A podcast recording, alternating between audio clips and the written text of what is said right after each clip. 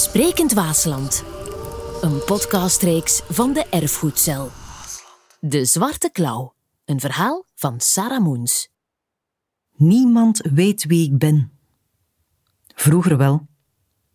Er was een tijd dat de mensen in het dorp me konden zien. Ze vonden dat ik er anders uitzag. Niet zoals de anderen.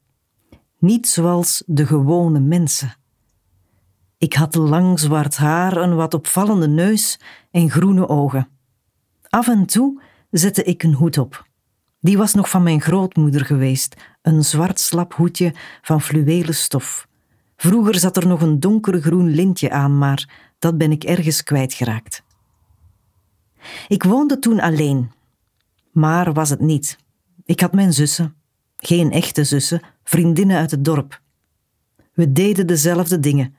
We hielden ervan s'nachts rond te dwalen, vooral in het voorjaar, als er een heldere sterrenhemel was. We zochten onze weg door het dorp en de polders in het maanlicht. We roken het vers gemaaid hooi en de schorren aan de Schelde. In een veld dansten we op het geluid van het zachte ruisen van de wind door de populieren. We brandden kaarsen en vertelden elkaar griezelverhalen. De mensen in het dorp, zoals Nartje de Rob van aan de Kreek, Albert de houthandelaar, Fie en haar man Jeff de bakker, Frans de schipper met zijn gezin, Gilbert en zijn kinderen op de boerderij, ze wisten van ons bestaan. Maar als we door de straten liepen, durfden ze niet door het raam kijken. We zagen luiken dichtgaan, gordijnen werden snel toegeschoven. Ik denk dat we te veel lawaai maakten in de doodse stilte van ons dorp. We vonden het grappig dat de mensen schrik van ons hadden. Hoe meer schrik, hoe beter, dachten we, en deden er nog een schepje bovenop. Tijdens de bijeenkomsten s'nachts verkleden we onszelf. Liefst in lange wapperende gewaden. We staken takken in het haar en wreven ons gezicht in met klei. Om het allemaal nog mysterieuzer te maken, bedachten we een spreuk die wij alleen kenden. Gewonnen, verloren, gevonnen, gekocht. Als een liedje herhaalden we dat fluisterend. Gewonnen, verloren, gevonnen, gekocht. Het leek of we dronken werden en niet alleen van de wijn die we af en toe hadden meegebracht. Op een van onze nachtelijke feesten liep het mis. We dansten, zoals altijd, op het geluid van de wind. Ik voelde me plots bekeken, draaide me om en in de struiken zag ik twee blinkende ogen die ons aanstaarden. Het moet er inderdaad raar uit hebben gezien. In het donker een troep vrouwen die hardop giechelend aan het dansen waren, zonder muziek in het maanlicht. Toen ik recht naar de struik met ogen liep, zag ik dat het de vioolspeler was die elk jaar speelde op de kermis in het dorp. Hij was dronken, maar stelde voor te spelen speciaal voor ons. Ik sleurde hem aan zijn arm uit de struiken naar ons midden. Dat had ik niet mogen doen. Hij vroeg een beetje verbouwereerd wat we aan het doen waren. Een trouwfeest, antwoordde een van ons giechelend. Raar trouwfeest, lachte hij bruine tanden bloot. Maar hij speelde harde melodieën, begeleidde onze zotte bewegingen. We huppelden, slopen, draaiden rond onze as en zwaaiden met de armen. We brachten hem meer wijn. Toen het bijna ochtend was, het blauwe uur, en we de merels hoorden fluiten, ging hij met zijn hoed rond. We vulden de hoed met poldergrond, omdat we zelf echt niets meer hadden, en legden de hoed naast de vioolspeler die intussen in slaap was gevallen, tussen wat graspollen en een koeienvlaai. Ik herinner me nog hoe gelukkig we die nacht waren, omdat we nog niet wisten wat er ging komen.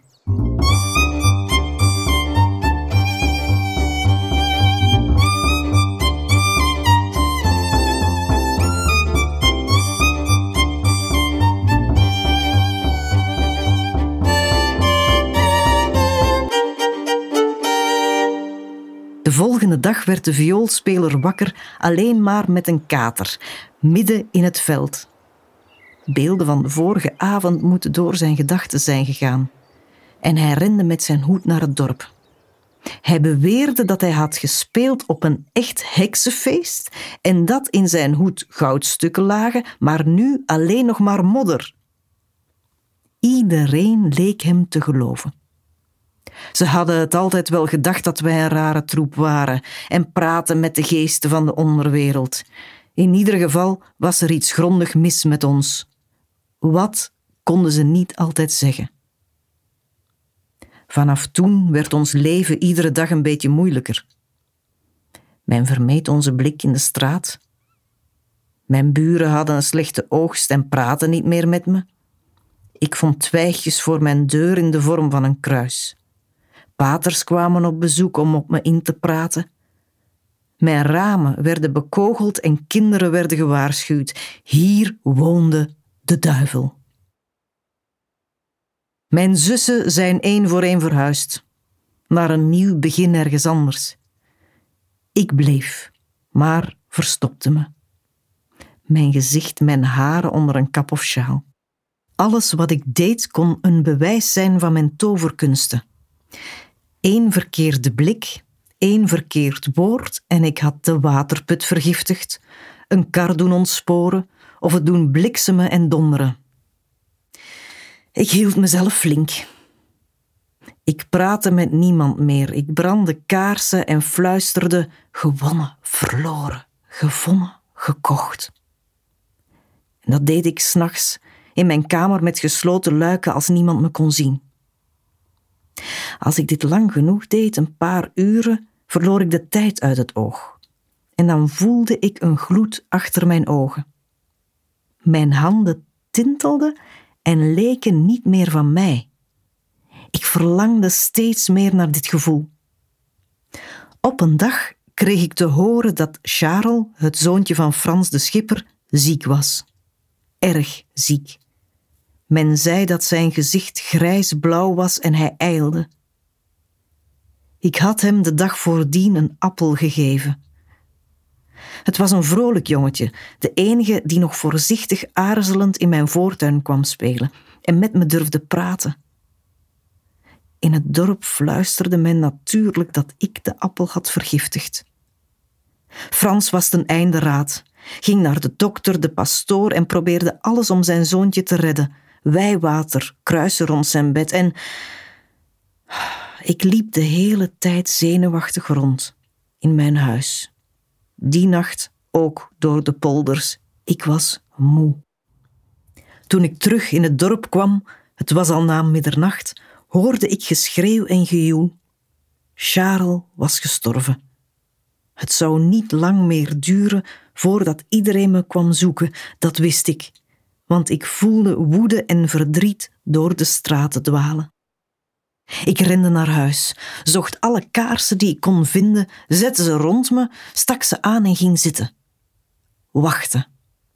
Ik fluisterde: gewonnen, verloren, gevonden, gekocht. En wachten. Ik wist niet waarop. Misschien een mirakel voor Charles? Of dat ik zou kunnen verdwijnen, weg hier naar een veilige plek, voordat ze me zouden vinden, uit mijn huis sleuren en ik dacht niet verder, fluisterde alleen maar en opgelucht voelde ik mijn handen tintelen. Het was anders deze keer. Ik voelde niet alleen mijn handen, maar ook mijn armen, benen, buik, hoofd, mijn hele lijf tintelde. Ik deed mijn ogen dicht. De gloed was er. Ik hoorde een aanhoudend geraas in de achtergrond. Het leek te komen van achter de ramen en het kwam snel dichterbij. Met één klap vlogen de ramen open. Er was geen wind. De kaarsen bleven branden. Het geraas werd luider, omhulde me als een mantel en leek uit duizend stemmen te bestaan. Het tintelend gevoel veranderde in een stekende pijn. Ik kon niet meer rechtop zitten en ging liggen op de koude vloer. De gloed achter mijn ogen begon te branden en mijn lichaam trilde. Ik wou geen lawaai maken, dus probeerde niet te schreeuwen. Het was alsof ik naar mezelf keek. En de gedachte dat ik doodging vond ik niet zo erg als de pijn maar ophield. Toen hield het geraas op. De stemmen waren weg. Door de gloed heen keek ik naar mijn handen. Ik zag eerst kleine zwarte haartjes. Ik zag ze groeien en als een zwerm insecten verspreidden ze zich over mijn lichaam. Toen verkrampten mijn handen, mijn nagels groeiden. Ik gilde, zag een witte schijn en daarna niets meer. Ik denk dat ik toen flauw viel. Want wat er gebeurd is, weet ik nog steeds niet. Ik herinner me nog wel dat ik mijn ogen opendeed en zag dat het ochtend was. De zon scheen door de open ramen. Rustig stond ik recht op vier poten. Het verbaasde me niet eens. Ik sprong lenig op de vensterbank. Het zonlicht blonk op mijn warme zwarte vacht. Ik keek naar de straat en drapeerde mijn staart rond me. Toen ik zeker wist dat er niemand was, sprong ik naar buiten en liep snel de polders in. Het leek of ik precies wist wat ik ging doen en waar ik naartoe ging. Ik voelde me veilig. Vanaf nu wist niemand meer wie ik was. Ik dacht niet na, ik leefde.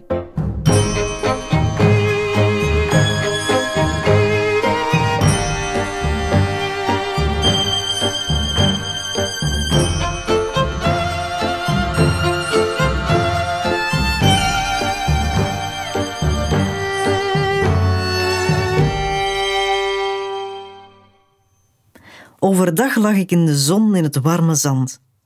S'nachts voelde ik me het best. Mijn ogen leken licht te geven in het donker. Nachtenlang verstopte ik me aan de rand van het dorp. Er was daar een brugje aan de binnenweg, het Vlietje. Niemand durfde daar te komen. Zo donker was het. De meeste mensen namen de steenweg naar het dorp. Dat was omweg, maar minder eng. Daar wachtte ik. Op een keer zag ik vanuit de verte Nartje aankomen. Hij kwam van een feest, had duidelijk te veel wijn op en waggelde vrolijk richting de brug waar ik zat. Nartje was een van de mensen geweest die mij en mijn zussen vanaf het begin met wantrouwen had aangekeken. Hij zong in zichzelf en kwam dichter. Ik ging midden op het weggetje staan, ging recht op hem af en begon te blazen. Hij stopte, probeerde te zien wat er voor hem stond. Hij vond het grappig. Hoe ik ook mijn rug rechtte en blies. Hij brabbelde iets als: Kattenpoezemunneke, waar gaat je naartoe? Maar dan verstarde zijn gezicht. Hij keek naar iets achter mij. Ik keek om en in het maanlicht zag ik wel twintig andere zwarte katten op ons afkomen. Mijn zussen. Nartje begon bleek te worden. De andere katten kwamen dichterbij. We versperden samen de brug.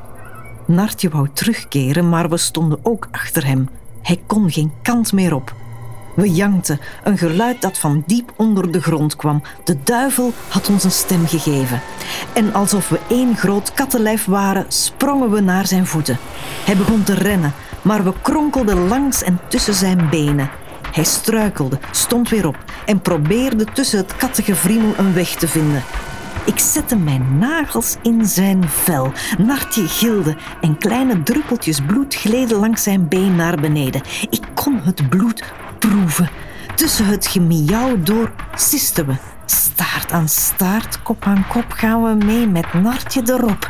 Hij rende nog harder en wij liepen met hem mee, helemaal tot aan zijn huis. Daar bleven we staan. Nartje durfde zich niet verroeren. Met één vingerknip waren alle katten plots verdwenen. Alleen ik bleef over. Ik staarde Nartje aan likte vervolgens het bloed van mijn bek, waste mijn poten en sprong terug de duisternis in. En na heel lang hoorde ik Nartje zijn huis binnengaan.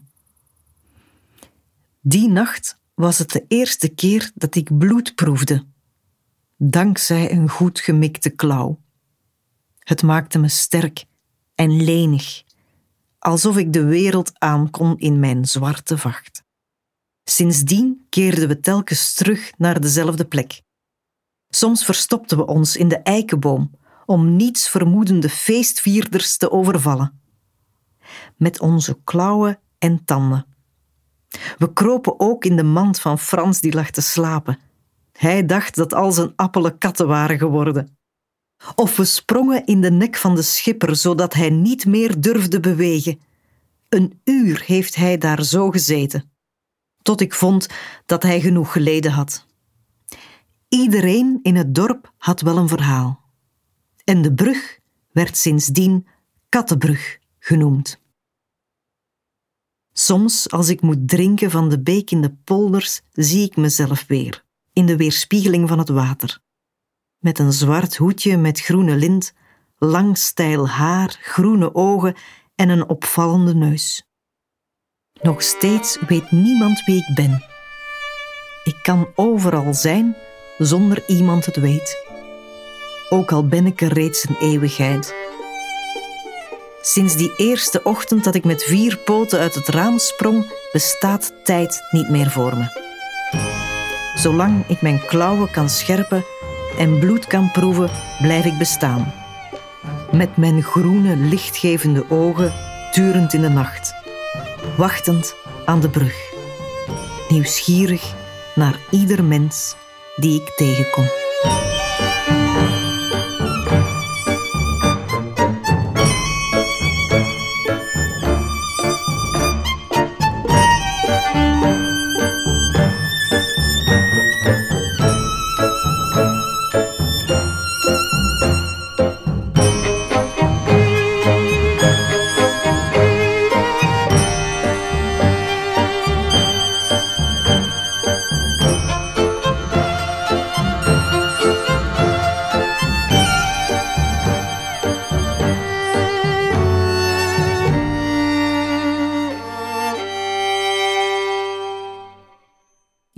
Een verhaal uit de podcast Sprekend Waasland. Ontdek de andere afleveringen op sprekendwaasland.be of beluister ze op Spotify.